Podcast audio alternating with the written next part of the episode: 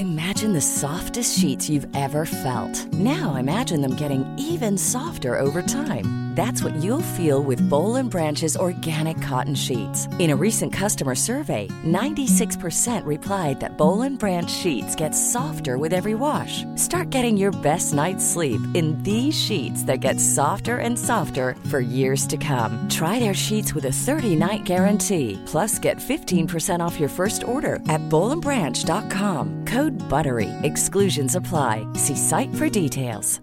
Planning for your next trip? Elevate your travel style with Quince. Quince has all the jet setting essentials you'll want for your next getaway, like European linen, premium luggage options, buttery soft Italian leather bags, and so much more. And is all priced at 50 to 80% less than similar brands.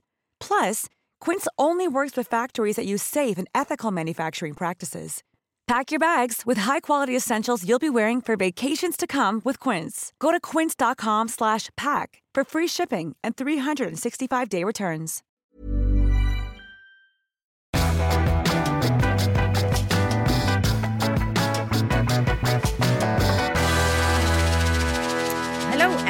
Africa, tell me how you doing? Hello Africa, I'm doing fine. Mhm. Nej men jag är ju nu uppfylld eh, av min resa med SOS Barnbyar till Sydafrika med Sanna Lundell och Kristoffer Triumf. Mysigt gäng. Väldigt mysigt och eh, det som är så roligt alltid när man åker iväg så är det att man alltid eh, på något sätt kommer på att man går way back. Ja. Ja, han bara, men jag bodde ju ihop med eh, Nanooks bästa kompis Lukas på Rörstrandsgatan, alltså mitt ex. Så vi var ju på någon fest, bla bla bla.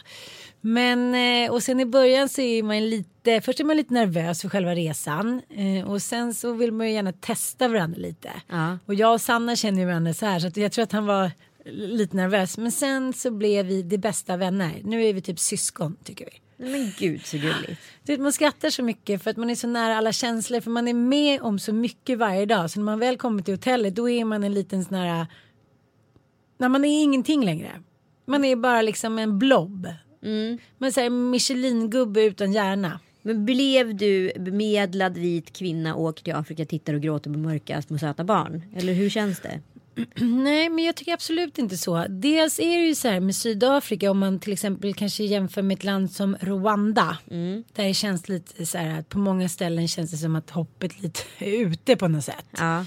Eh, rent regeringsformen och, och eh, liksom korruption och liknande. Men här känner man ändå att på den lilla korta tid som Mandela han sitta så känns det som att han fick igenom ganska många reformer som på något sätt har satt spår. Ja. Eh, dels tänkte jag på, om det låter lite ytligt och löjligt, att eh, barnen även i de fattigaste områden var väldigt fint klädda. Det var ingen som var särskilt smutsig. Jag såg en liten pojke med hål, eh, hål i t-shirten. Annars var det liksom, det kändes som att det var ett ganska väl fungerande samhälle och engagerat samhälle även ute i kåkstäderna. Men åkte du hem och lärde dig någonting om dig själv? Eller liksom lärde du någonting om människorna där borta? Jag kan tänka mig att det är väldigt så här, känslodrabbande på många sätt. Nej, men det som jag tycker händer är att när man är där så blir man uppfylld och man liksom gråter och man skrattar och man känner hopp, man känner förtvivlan.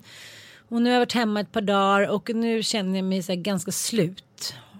Vet, Man kommer hem och kör när jag börjar bråka med sina barn som klagar på att liksom internet inte funkar tillräckligt snabbt och liknande.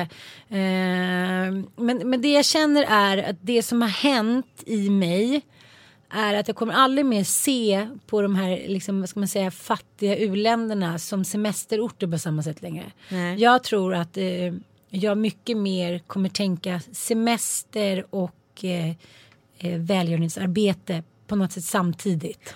Det vore ju fantastiskt om man kunde få ihop det där på något sätt. Absolut. Och, eh, men det som slog mig så mycket var när jag såg de här barnen, bland annat när vi var i SOS barnbyar, såg barnen som liksom lekte tillsammans på de här, vad ska man säga då, det är inte medelklass men det är ändå välfungerande förorter. Ja. Med, med ordentligt byggda hus. Sen var vi på med ställen där många bodde liksom fem personer i en liten plåtlåda Exakt. på fyra kvadrat.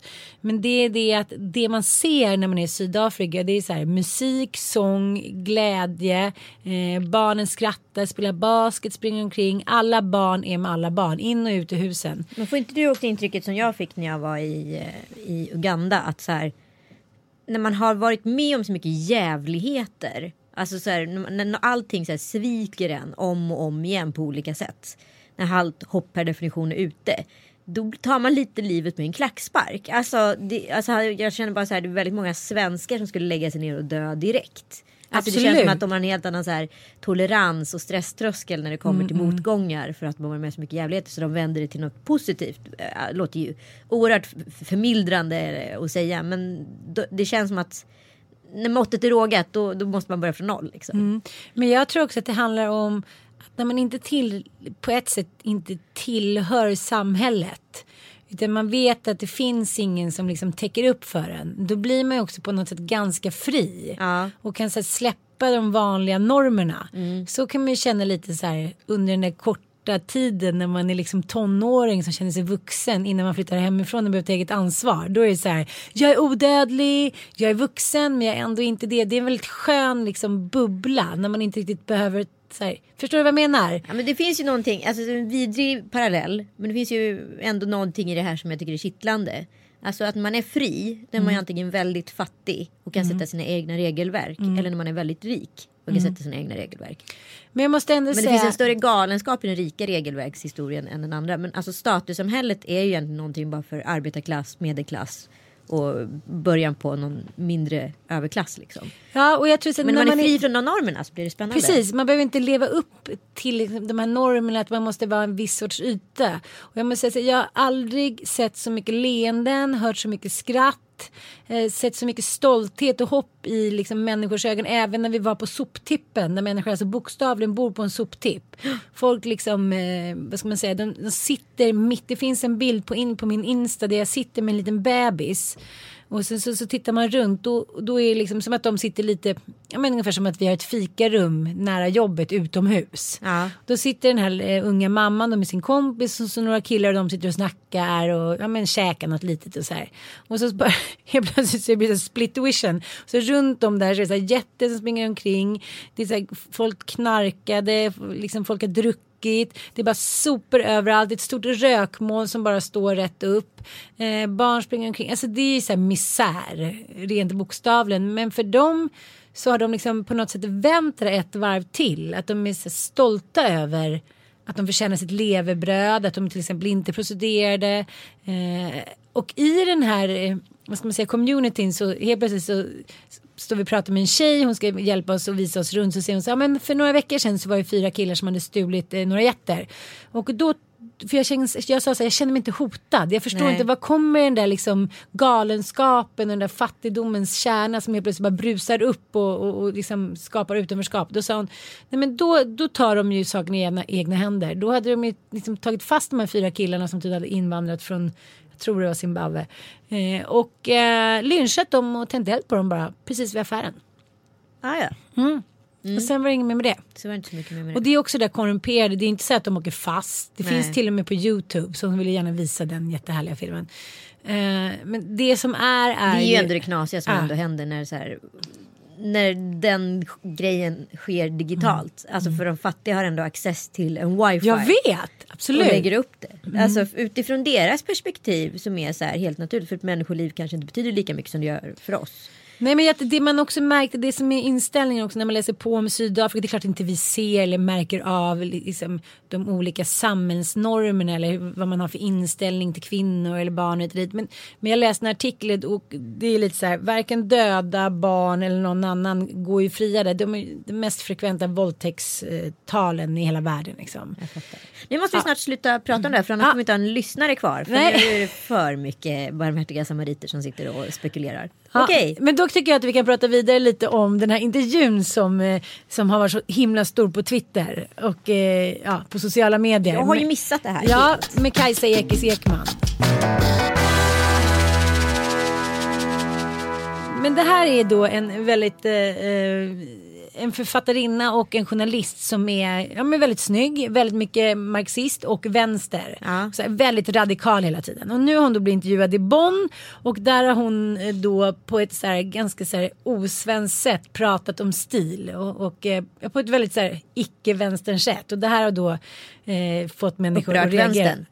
Eh, det är inte, jag vet inte, många har tyckt att det här var en väldigt bra intervju just för att hon eh, inte ska vara någon så här, vad är det man ska säga, vänster, vad är det de säger, läppstiftfeminist. Uh. Men, men då pratar de om en grej så här, journalisten frågar så här, du verkar så kontrollerad, när är du avslappnad?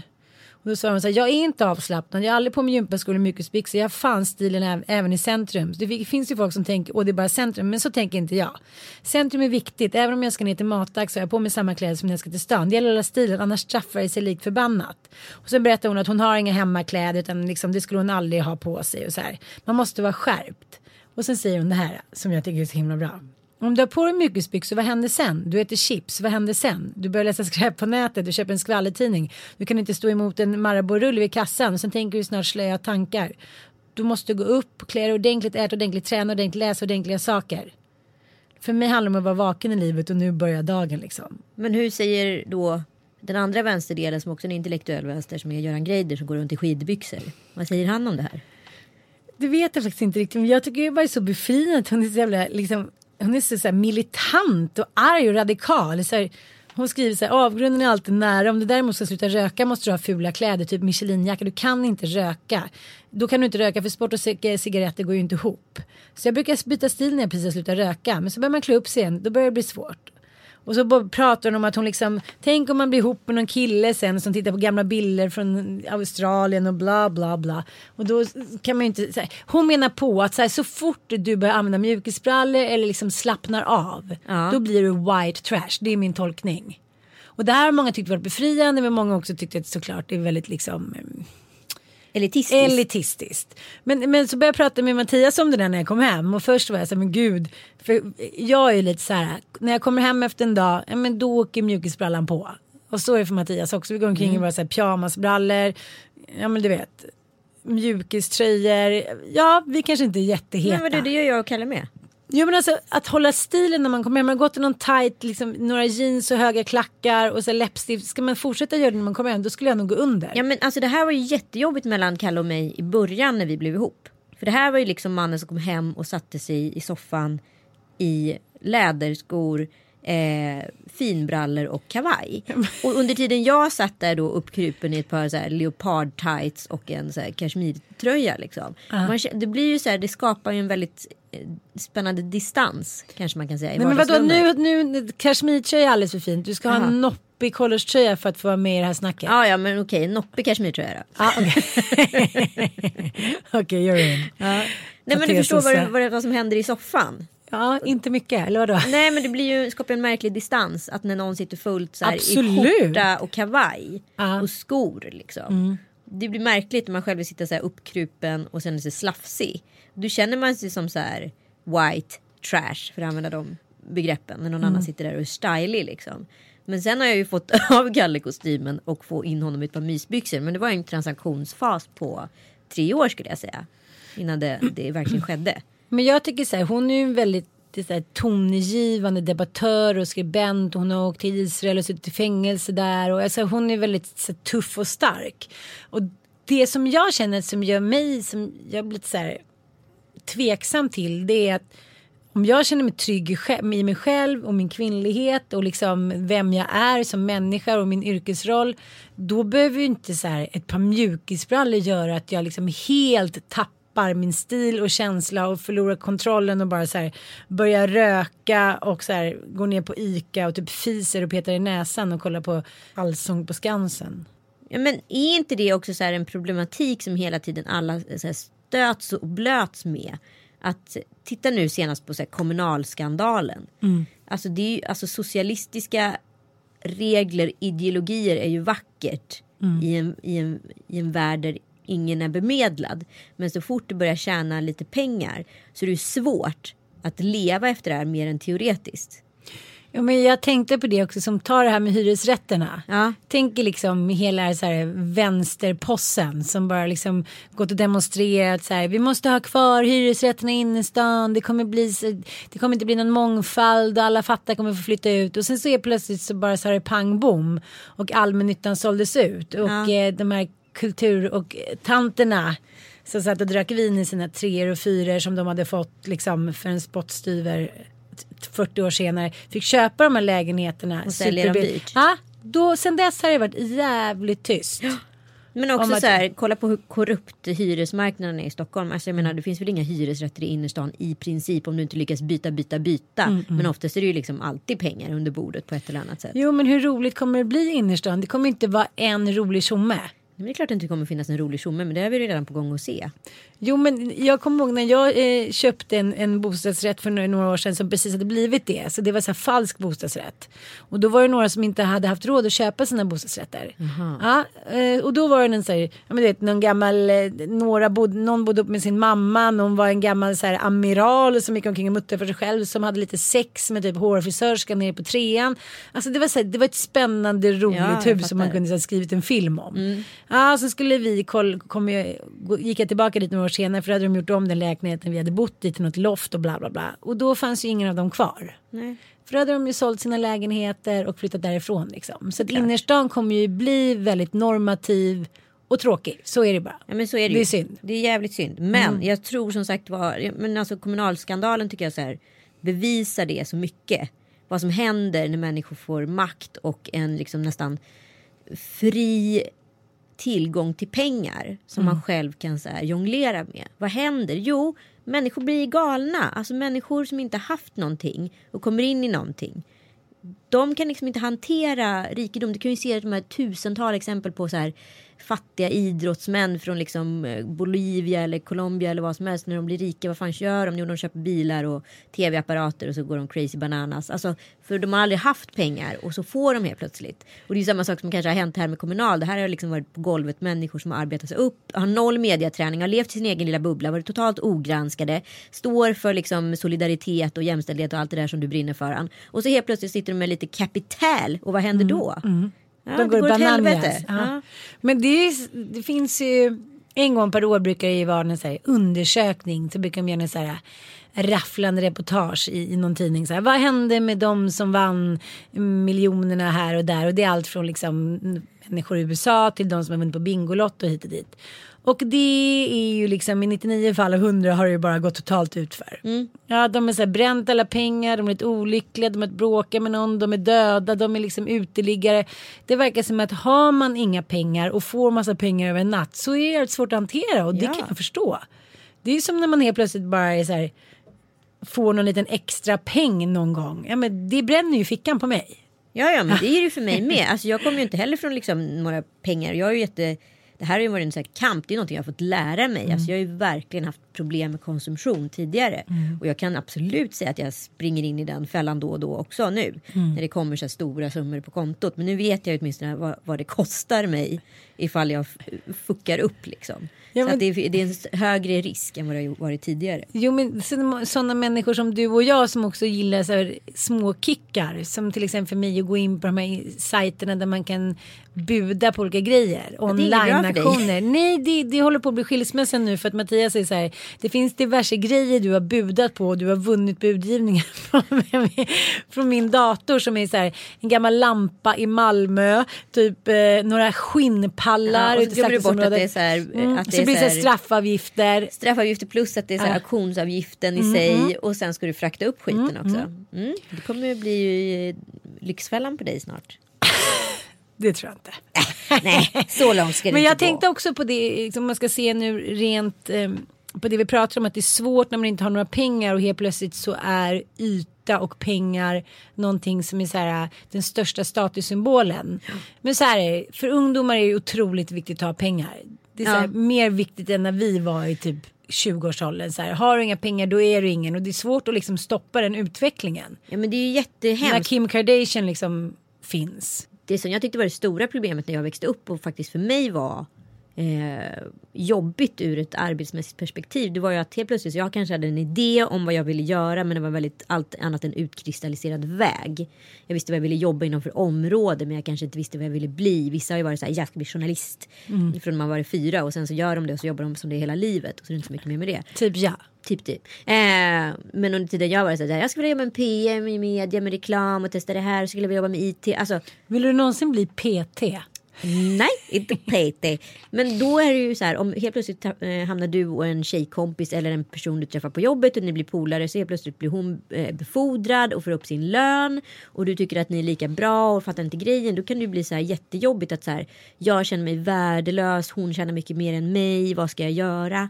Men då sa faktiskt Eva Schwartz har sagt en så sjukt bra Mm, grej. Eva. Schwartz är alltså förlagsdirektör för natur och kultur och gammal tv-kvinna. Mm. Gammal Nej, inte gammal utan hon har jobbat på tv. Hon har dessutom en, ett sommarhus nära där jag har sommarhus. Vilket jag är väldigt in, inspirerad av. Vi ska prata lite om ditt sommarhus sen. Nej, det, över, jo, det övergivna sommarhuset. sluta. Jag tycker synd om ditt Tyst sommarhus. du.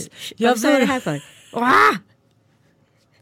Han bara- Vurma inte för mitt sommarhus. Mitt stora Jo. svarta hål. Jo, bara kastas in pengar i ett lejongap som bara försvinner någonstans.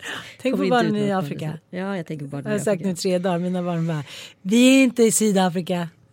Ja, ilandsproblem. Mm, Hon sa i alla fall en gång i tiden något som var otroligt bra. Att man ska inte oroa sig för inkomst förrän man är 35.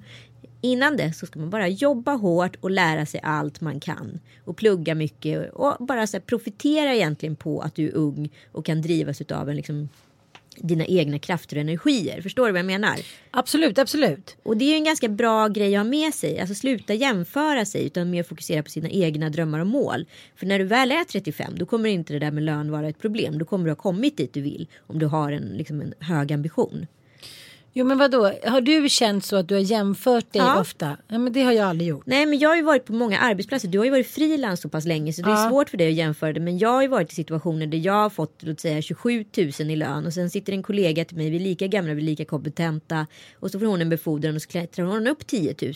Och då blir det ju, det skapar ju klart att det skapar självförtroende Eh, alltså diskussioner med en själv plus att så här är inte jag kompetent nog och jag vill vara lika bra som henne. Jag ska söka den här befordran eller den här eh, jobbet istället för då kanske jag kommer tjäna så här mycket. Alltså att pengar tar över fokus från drömmen. Ja absolut. Så har det väl varit några gånger. Det kan Ja. du inte neka för. Nej absolut. Men, men jag tror att så här, den generationen som kommer nu verkar inte vara. Även fast de är uppväxta i ett samhälle där det är så här, de är väldigt intresserade av pengar och yta.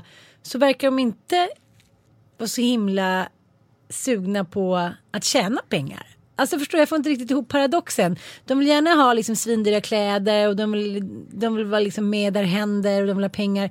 Men de, de verkar liksom, tycker jag, vara lite slöa.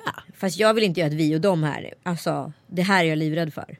Eh, jag tycker också att det finns en lägre arbetsmoral. Men vi har ju pratat om det i tidigare poddar. Att det här kommer alltid finnas en intressekonflikt generationsbetingat emellan. Eh, för att de har en annan agenda. Man får ju se det utifrån dem. Det jag säger är att har man ett starkt kontaktnät. Är man trygg, bor hemma hos sina föräldrar. Då kanske man sparar in en jäkla massa kulor. Så den dagen man när, jämförelsevis med oss när vi fyller 30. Och när de fyller 30 så kanske man har kommit lika långt i livet. Jo jag vet. Fast det är men- olika angreppssätt bara. Ja men jag fattar, jag håller med. Jag kanske bara är avundsjuk för att jag själv blev utslängd när jag var typ 19 och bara här får en lägenhet, nu orkar vi inte ha det här hemma längre. Hej Ja, då. men så var det för mig med. Bara, Ja, tack och hej, ha det bra. Men jag vill absolut inte flytta hemifrån. Nej, men gud vad glad jag är att jag gjorde det. Jag skulle, jag skulle nog bott hemma Ja, fortfarande. men sista, gången fick ju, sista åren fick mina föräldrar muta mig för att jag skulle följa med på semester. Så jäkla illa. Ja, men du följde ändå med. Jag följde ändå med. Men du följde med som en, så här, som en köpt, köpt. vara. Alltså en köpt vara, dotter och köpt. Det är så illa. bortskämd. Det är, det är inte bra. Det är Nej, inte det bra. var tur att de slängde ut mig. Men jag, måste, jag kan inte riktigt släppa den här Kajsa Ekis Ekman intervjun. För att jag vill nämligen gå tillbaka till att hon säger en kommentar som jag tycker är så jävla intressant. Vad säger hon? Nej men många som så här, har en politisk åsikt eller liksom inte vill verka ytliga eller blåsta eller liksom så här, styrda av marknaden. De, de vill ju gärna säga att allt de gör är liksom en feministisk handling eller en politisk Ja, handling. Eller någonting.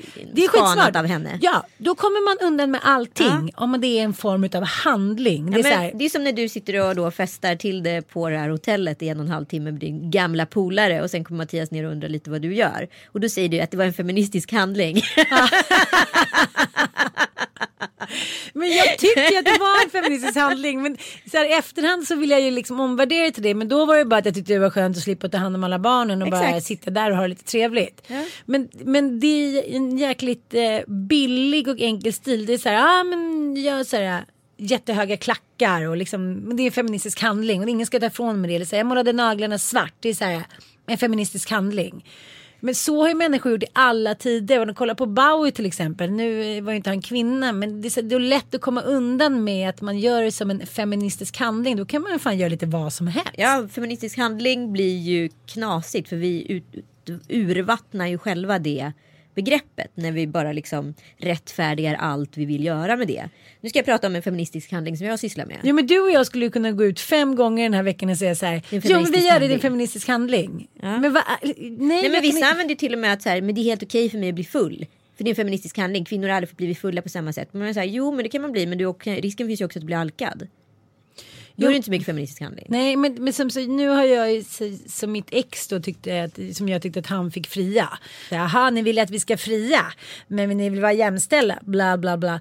Och sen så jag tänkte jag gud vad löjligt det är för att du ska komma undan men så det ligger ju någonting i det att vi vill vara liksom feminister och vi vill göra feministiska handlingar i ungefär 95 procent av fallen. Men, men de fem andra procenten är vi fortfarande väldigt traditionella. Ja men jag tycker att Kalle har en poäng när han säger, och det låter kanske vidrigt men jag tycker att han har en poäng när han säger att vi är kvinnogrisar. För det är ju precis vad vi är.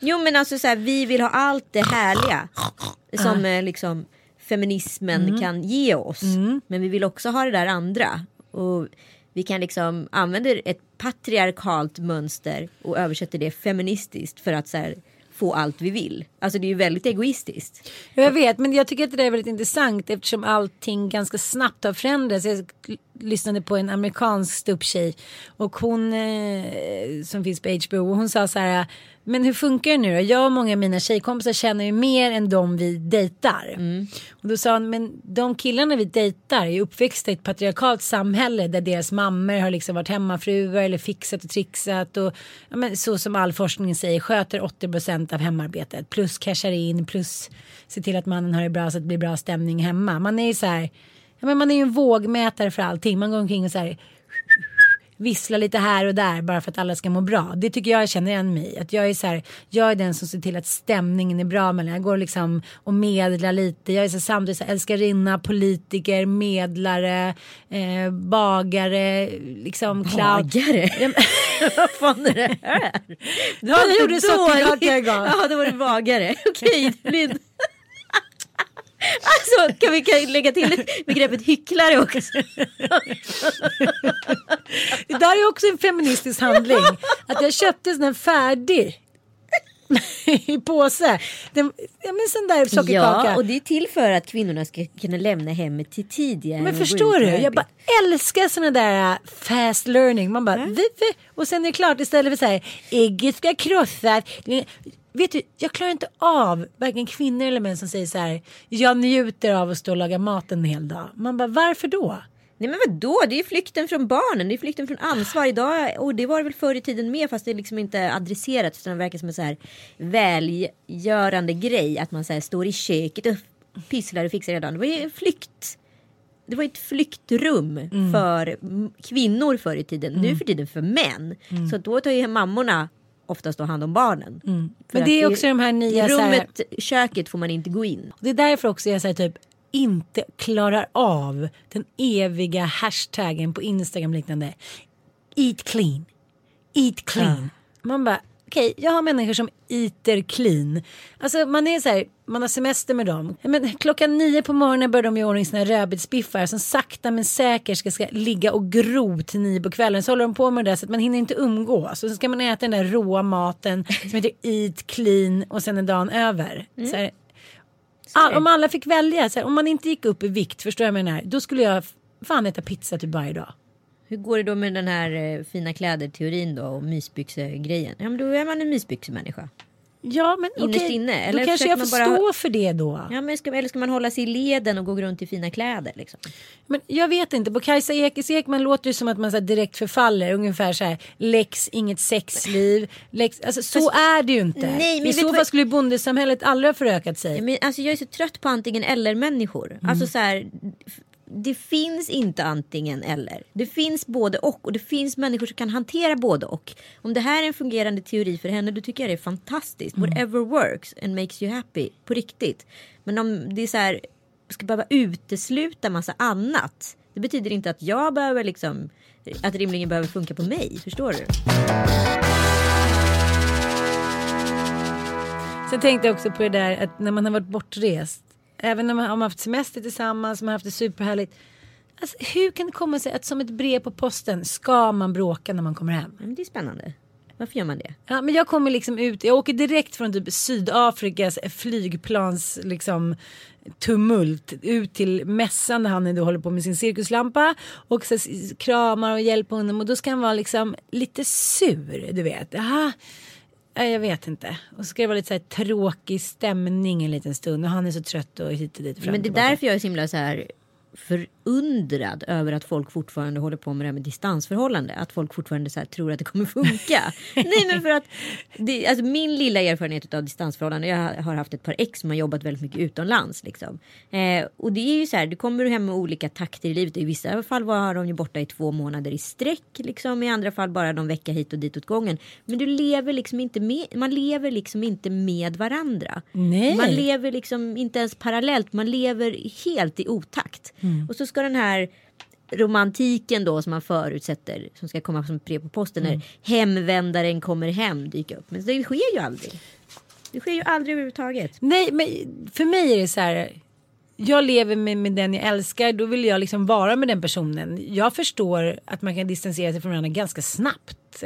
Efter sex dagar i Sydafrika så var jag så här, Jaha, men gud nu lever jag här. Jag är så anpassningsbar. Jag skulle kunna bo var som helst i hela världen och trivas. Vi säger det, anpassningsteorin. Ja, nej, läskig. Mm. Men du, mm. vi måste bara prata om någonting apropå manligt kvinnligt. Någonting som bara alltid påstås vara väldigt feministiskt men som är den mest ofeministiska branschen. Det är väl ändå så här film och teatervärlden. Ah. Ja. Och nu... Så jävla mansdominerande alltså.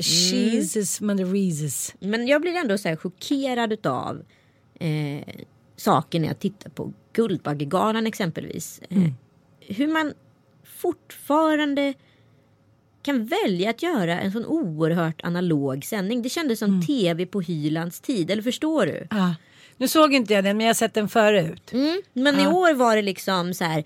Nej, vi går inte på några sådana gamla galapremisser som att vi är superkapitalistiska. Vi ska inte leka USA. Vi är Sverige. Vi ska inte ha ett tal på två minuter. Vi ska inte ha en röda matta. Vi ska inte ha. Alltså, och sen så bara så gör man precis alla så här idiotfel man kan göra. Alltså vi behöver inte ens prata om när Marika Lagerkrans så jävla självuppfylld läser upp stakande med darrande teaterhänder och röst. en memorabilia som är så här. Det, alltså det var en sån disgrace mm. mot alla som hade gått bort det här året. Istället för att köra ett vackert bildspel illustrerat av en bra svensk artist som kunde framfört det här. Nej, så jävla risigt.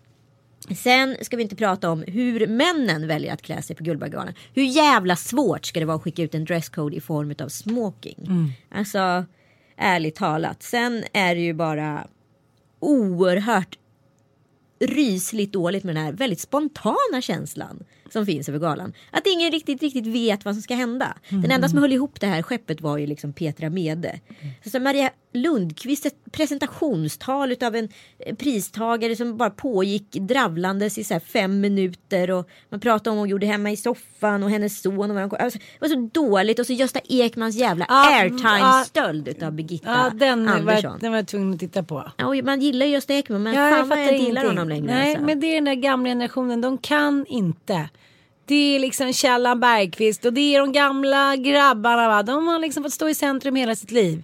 Var på vilken fest som helst, även idag, och en tjej tar för mycket airtime. Då måste det komma en kille och börja gapa om någonting. För det, det känns inte bra in liksom, i hjärteroten. Nej men och nu förstår man precis var, varför liksom feminismen finns. Typ. Mm, för mm. att det här var liksom, vi kan lyssna lite på det bara hur han älgar på. Ja, vi har känt varandra faktiskt i 60 år. Vi har jobbat ihop. Ja, jag vet, jag vet, jag vet.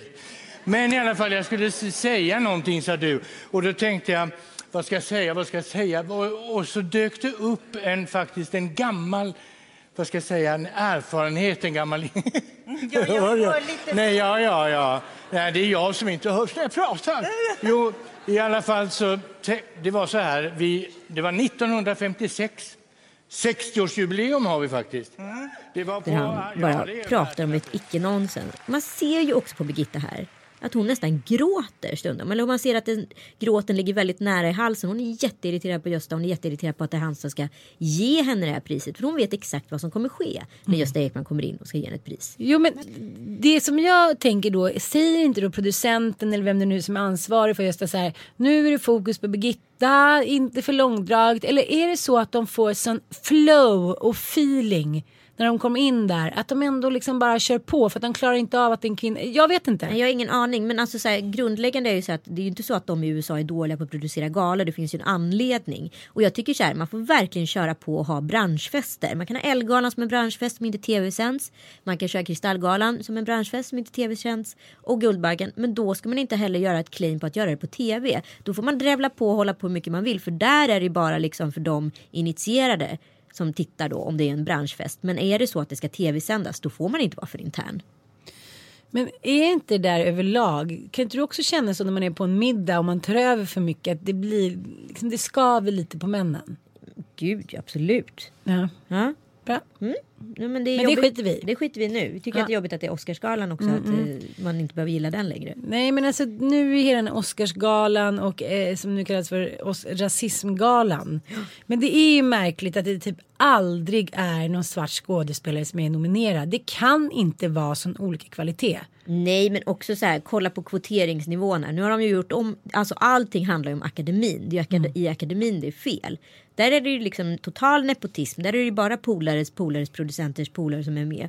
Ja, och jag antar att så här, vita hänger med vita, eh, svarta hänger med svarta i och med att USA är ett väldigt mycket mer segregerat land. Nu ligger mycket afroamerikaner som ska in som liksom icke afroamerikaner och hispanic och allt möjligt så att det blir en normal fördelning på det här för det är ju ganska knasigt liksom. Mm. Alltså vi pratar om kvotering kvinnligt manligt men kvotering rasmässigt det är ju nästan en värre grej tycker jag. Ja men absolut. Men det är så här att det ska vara så svårt att inse att, att det faktiskt fortfarande är så där. Att vita röstar på vita och vice versa. Det är väl inte så konstigt. Alltså, Nu är det någon jävla idiottant. Såklart så gamla ledigt. Vad säger de? Old people got crap in the corners of the mouth. Som menade på att det kanske inte fanns tillräckligt många bra svarta Jag vet. skådisar helt Ha? enkelt. Man bara, kan det vara så?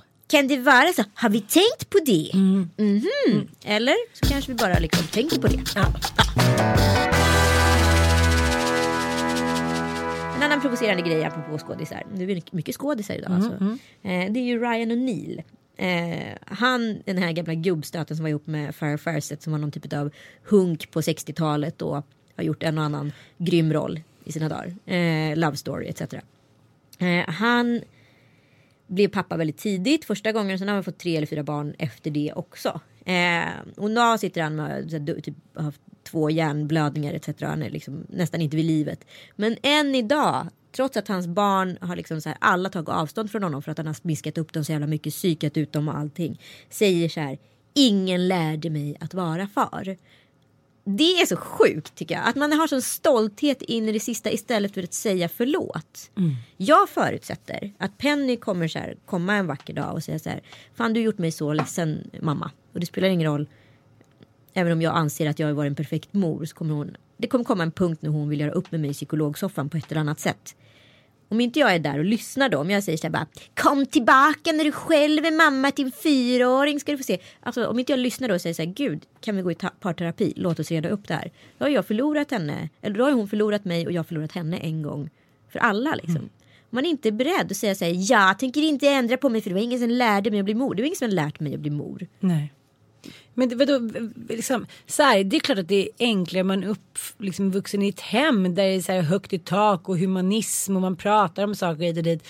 Och man får då en karta över hur en bra mamma eller pappa är. Men det kommer aldrig ske att hela världens barn kommer liksom ha turen att hamna i en sån familj. Nej. Och sen så fortsätta hävda då att det är på grund av att den eller den mamman eller pappan har varit på ett visst sätt. Då är det så här, men lär om då, lär nytt. Så här, läs böcker, gå till en psykolog, fråga dina vänner. Det finns liksom en så här lex tystnad tycker jag mellan män. Jag brukar ofta säga så här, ja, men till mina killkompisar eller till liksom mina män. Eller bara säga, men, är det ingen, men säg det till honom då. Liksom. Eller så här, men vadå, är det ingen som har sagt att de tycker att det är dåligt? Nej, mm, man håller varandra om ryggen, man vill inte lägga sig i, män kommer undan med mycket mer och jada jada. Och så är det fortfarande. Men det är helt sjukt. Och grejen är, men jag ser det också som att det finns två olika människotyper här. Alltså antingen är man en person som så här. Ja, har du haft en tuff, upp, tuff uppväxt så är du väldigt präglad av det. Då väljer du att så här, må dåligt för det, lägger dig ner och dö, blir alkoholist, vad det nu finns för vägar att gå. I det här krislandskapet som man har skapat sig liksom. Eh, eller så finns det de som bara så här får, har ett jävla namma från så här, grunden. Bara säger nej jag ska göra upp och göra, göra, om och göra rätt direkt liksom. Och vill absolut inte ha någonting med sin, hur sina egna föräldrar var. Eller bara totalt göra revolt genom att vara snäll eller tvärtom. Så de här två personerna hur, hur, blir man en sån? Eller hur blir man dem? Ja, men det är klart att det där är så himla liksom, mycket mer komplext än vad vi någonsin kan ta på. Det är, så här, det är klart att det där är mycket mer liksom, komplext än vad det går att ta på eller vad det finns forskning kring. Det är ju som att bara ta incest till exempel. Ja. ja men du vet, i nio fall av tio så har ju den som utsätter någon för incest själv varit med om det och då blir man så här, men hur är det ens möjligt? Ja men exakt. Att det blir så här betingat att man gör samma sak. Men jag tänker just det här med att man blir misshandlad eller liknande. Men, jag, men så här tycker jag, när man träffar människor, män eller kvinnor som har varit utsatta eller liksom inte har någon karta eller liknande. Säger så här, men jag ska göra allt för att bli en bra pappa eller mamma och jag ska liksom försöka lära mig, jag ska ta reda på, liksom alla människor, särskilt i vår del av världen har ju möjlighet att bli sitt bästa jag. Ja. Och det är som, jag fattar inte det där uttrycket. Man kan inte göra om någon annan, man kan bara göra om sig själv. Men om jag säger så här, jag mår jättedåligt av det, jag älskar dig men de här tre sakerna mår jag jättedåligt av. Jag känner mig kränkt eller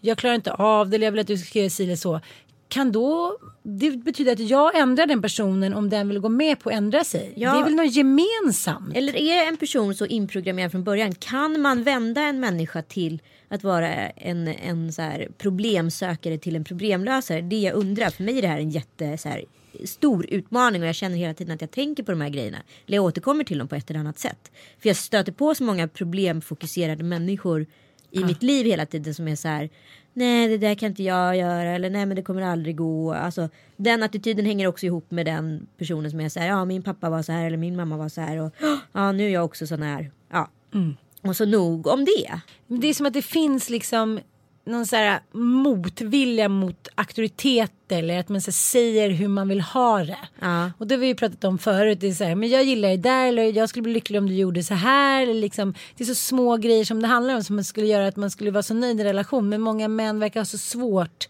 De vill inte bjucka på den lite. Nej.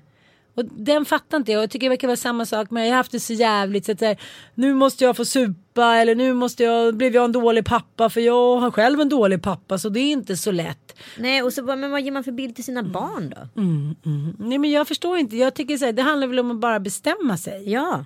Och så här, förutsättningarna finns för de flesta människor i vår del av världen. Ja det går inte att skylla på så att pappa ligger, liksom, har låst in en eller ligger döende i hiv eller aids. Eller så här. Det gör faktiskt inte Nej. det. Det är bara så här, jag ska bli den bästa av människor och då får jag liksom ta tag i de problem eller vad som krävs. Men jag har ju en kompis vars man faktiskt var ett ganska stort asshole. Ja. Och han hade liksom inte förstått det själv. För att han hade alltid varit underbarn och han hade liksom så varit sedd som en så, här, så jävla härlig och snygg och hit och dit. Men sen så märkte han så här, ju äldre han blev ju mer märkte han så här, folk, han bara folk gillar inte mig. Nej. Ja men ta Tiger Woods är det bästa exemplet. Ja. Han fick ju höra från han var fyra år att han var en, att han var en gud. Ja. Ja, men så här, han var så här ett mirakel och hans föräldrar behandlade honom som en liten påvunge och alla bara liksom åh här kommer Tiger, så här, världens underbarn. Sen började han så här för att få en kick och för att han kunde.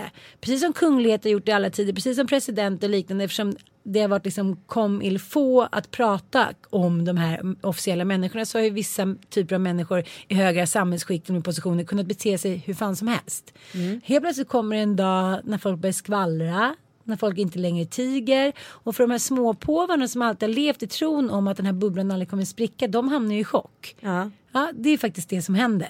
Och det var ju det som hände med Tiger. Han trodde ju att han var liksom Untouchable. Ja, och här, han gjorde ju egentligen ingenting som han trodde var fel. Han trodde ju bara så här, ingen kommer någonsin säga något. Jag får göra så här eftersom jag är Gud. Exakt. Gud får ju bete sig hur han vill liksom. Ja. Uh, så att, uh, nej, den där är svår. Det är en svår balansgång. Det är spännande tycker jag. Jag tycker mm. det är roligt också så här för att det finns ju många sådana här hö, hö, hö män som man springer på överallt. Ja men du vet som ska ha sista ordet på ett Jo, möte tack. genom att säga så här.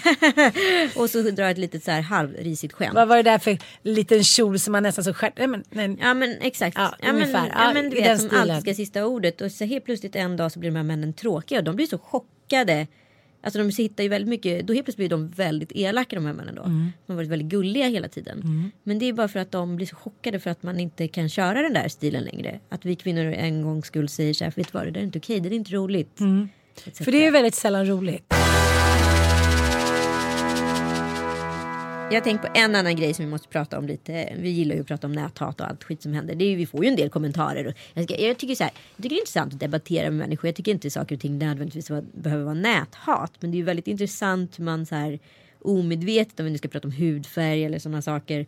Eh, eller attityd, eh, rasism finns väl också. Så här, jag har bestämt mig för att du är ond och en annan person är god. Alltså om man nu är en duo på två personer så kan jag tänka så här, jag tänker på dig och Sanna så kanske jag har en, en idé om Sanna eh, och så en idé om dig. Och sen så säger ni någonting gemensamt och då kan jag tänka så här, det här är typiskt Sanna att säga en sån sak. Förstår du vad jag menar? Men jag tyckte det var ganska intressant nu när vi var i Sydafrika tillsammans kunde man kolla de kommentarer som vi fick när vi hade lagt ut bilder. Ja. Och då var det väldigt eh, det var väldigt tydligt att Sanna oftare fick de här. Jaha, bara för att du är kändis och rik och kan åka iväg. Jaha, men vi andra då? Jaha, men är det där? Alltså, hon blev väldigt ifrågasatt. Ja, hon får Medan till mig var det så här. Åh, du är så... Inspirerande och ja, härlig. ja. Nej, men för du kommer ju undan med väldigt mycket mer skit om man nu ska vara krass. För att du är Ann Söderlund. För att du kan gömma dig lite bakom och bara säga jaha. Ja, det kanske är lite sant. Ja, men du förstår vad jag menar. Ja, jag Under tiden så här, folk tror jag från början har så här. Det är väldigt många som har skrivit till mig så här. "Ja, Jag har trott att du var en sån här person men sen jag började lyssna på podden har jag förstått att du är en annan. Eh, och det är ju en jättebra om man nu ska prata ur ett varumärkesperspektiv. Alltså på ett positivt sätt då. då. Ja en Askungeresa är alltid en Askungeresa oavsett om den är från ont till god. Det är svårare att göra tvärtom eh, grejen liksom. Eh, alltså det vet man ju alla sådana varumärkestvättar när så här Martin Stenmark ska raka sig håret och bli tuff. Det går inte så bra liksom. Nej men du fattar vad Mm. Jag menar. fattar, jag fattar. Ja, att men- det är en tuffing. Ja men det är intressant ur det perspektivet. Jag tänker också på att det som sker i kommentarerna många gånger är ju sånt som vi kunde reglera i en så här samtalssituation förut. Så här, jag såg den där tjejen.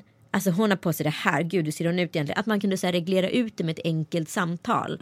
De här bitterfitte grejerna som kommer upp i ett kommentarsfält. Ja, ja. Det kunde vi reglera tidigare i samtalsgrupper.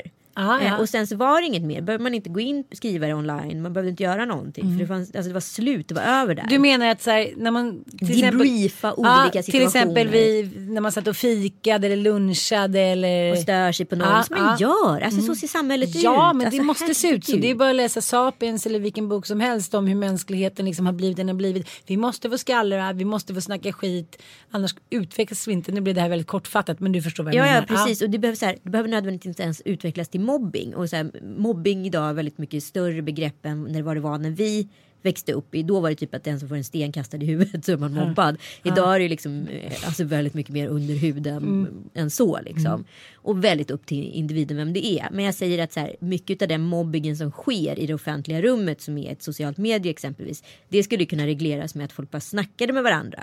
Och sen så är den så här grejen utagerad. Förstår du så här? Om jag nu stör mig skitmycket på dig. Då kan jag ju prata med din kompis om det då. Om vi är ett tjejgäng där Mm. vi alla är korrupta som fan. Då kan jag prata med henne om det och säga gud jag blir så irriterad på Annie idag bla bla bla. Och sen så är det inte så mycket mer med det. Och så kan någon säga så ja men hon har haft lite jobbigt hemma eller mycket på jobbet. Ja, Men det är sån hon är, det är också roligt. Och sen är det utagerat. Ja Over and out. men och sen kommer precis. inte det pratas om det mer. exakt. Men nu vill du ta upp hur det är med sociala medier. Och jag tänkte på en grej Ann. Apropå att jag ska reta dig lite. det är att du är fruktansvärt dålig på Instagram. Men alltså det där är så konstigt att du säger. Gå in och kolla. Jag kanske har varit lite så här endimensionerad familjeaktig senaste tiden. Men nu kan du säga att jag är dålig. Bildmässigt är jag inte dålig. Du menar att jag skulle kunna vara så mycket roligare? Men vänta, nu ska vi se här. Nu ska jag gå in på din Instagram-feed här direkt. Nu ska vi, ska vi live-recensera ett Okej, par men av du dina lägger ner två timmar varje dag för att gör göra jag hårfilmer där du så släpper runt med håret. Jag vet inte hur man gör sånt. Okej, nu när den här podden är slut, då ska vi göra en rolig film. När, jag, när vi svänger runt med olika grejer med hår och solglasögon och allt vad du nu gör. Nej, så ska jag nej, få nej, vara rolig, så ska du hjälpa mig med Till att det. börja med är det Istället oerhört mycket selfies. Alltså det är ju extremt mycket selfies. Nu tycker jag att du överdriver. Jaså, Ja, tycker du? Ja, tycker jag faktiskt. Sen har vi då ett Instagram som jag kommenterade som du inte alls fattade att det var en pik. Nej, jag blev superstolt.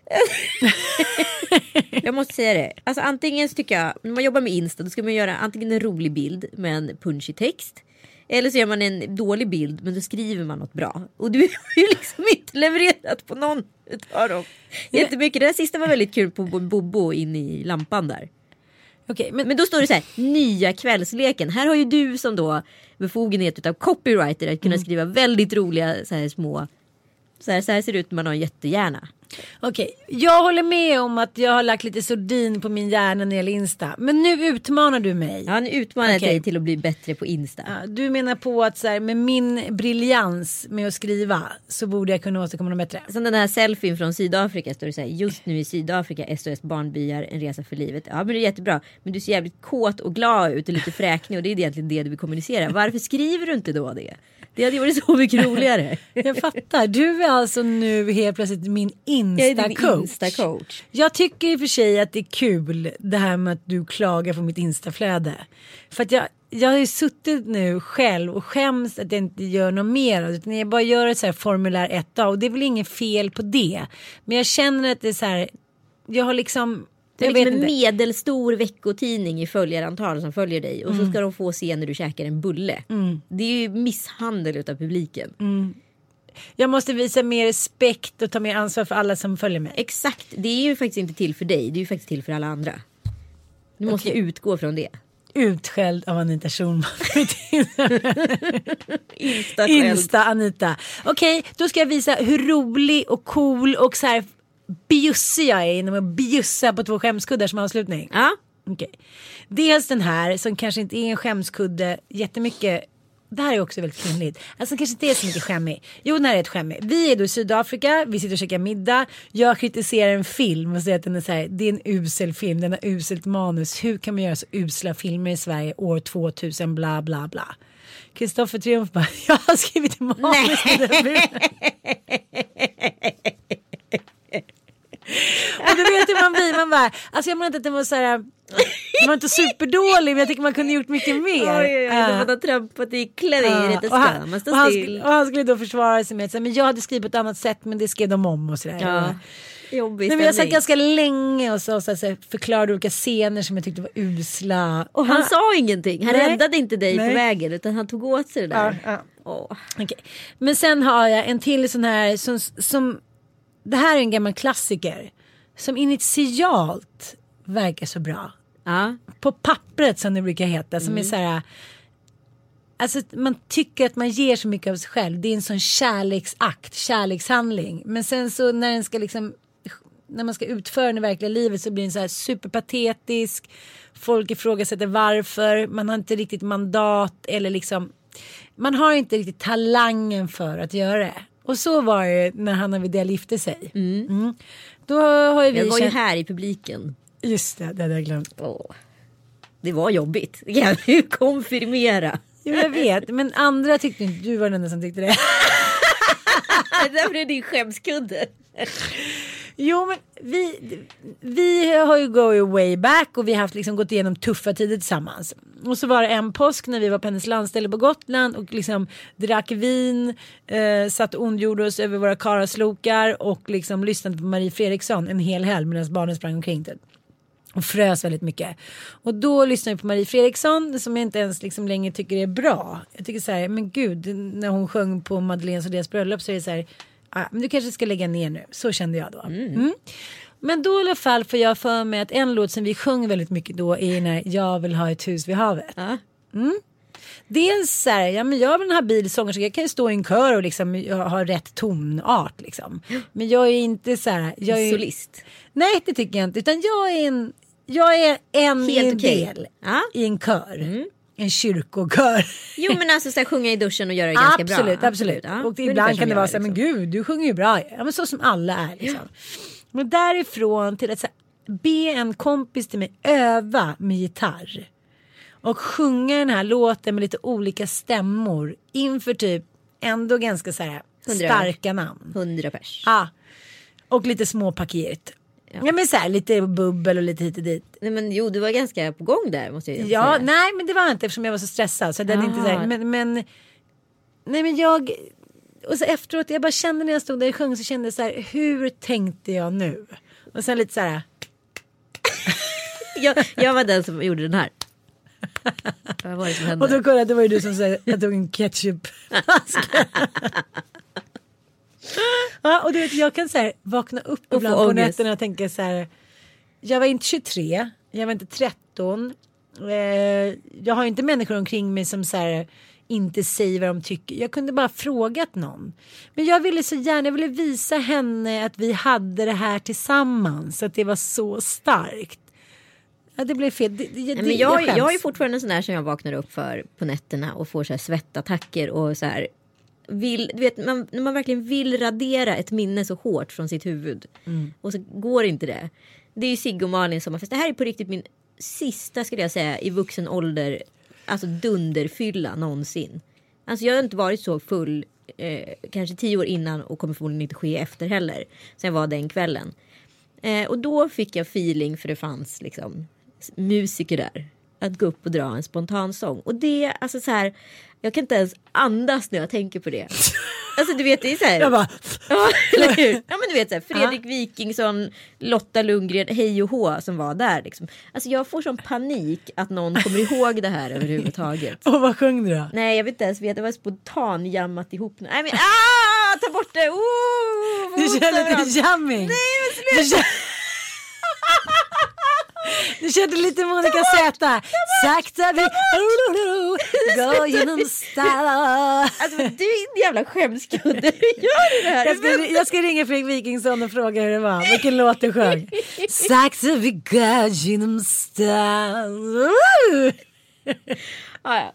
Nu kommer jag att tänka på en annan spontanare. Men då var jag mycket yngre. Du vet den första som gifte sig. Och jag bara så här, ville sjunga. Gick också på köra en spontanare. Ringde bara för att säga. Att du hade röda klänningar. Så supersorglig låt. Någon har blivit övergiven på ett bröllop. Alla bara. Jättebra. Hur, hur tänkte de där på förresten på Cancergalan när de sjöng Jag himlen runt hörnet? Alltså hur sjukt var det? Förlåt. Men du vet det självförhärligande känsla man är uppe i. Ja. Efter lite för mycket skumpa. Man bara. Vänta, vad är Santana? Jag vill göra ett gitarriff. Jag klarar nog alla stämmorna i Afrika utav Toto. Oh, Nu avslutar vi med Marie vi med- Fredriksson. Jag Ja. vill ha ett hus vid havet. Nej, jag måste bara säga så här. Ifall du vill hitta på någonting med mig imorgon så. Nej, men jag är ledsen det går inte. Bara Varför säga det. Vad ska du nu göra? Äsch. Jag ska bara på en eh, privat middag på riksdagen. Ska du? Med Anna Kinberg Batra. Diskutera kvinnor. Men, Frågan. men varför inte jag med? Ja varför inte du jag har ju fan varit i Sydafrika. Ja, så då ska du Och lagt förtjäna. selfies till jag typ du vara snygg. förtjäna. Okej, vem har du mutat för att göra det här? Äsch, jag fick en inbjudan från riksdagen. Jag har ingen aning. You lick 'em asses. Jag vill ha ett hus vid havet där jag kan se på alla båtarna som ligger till.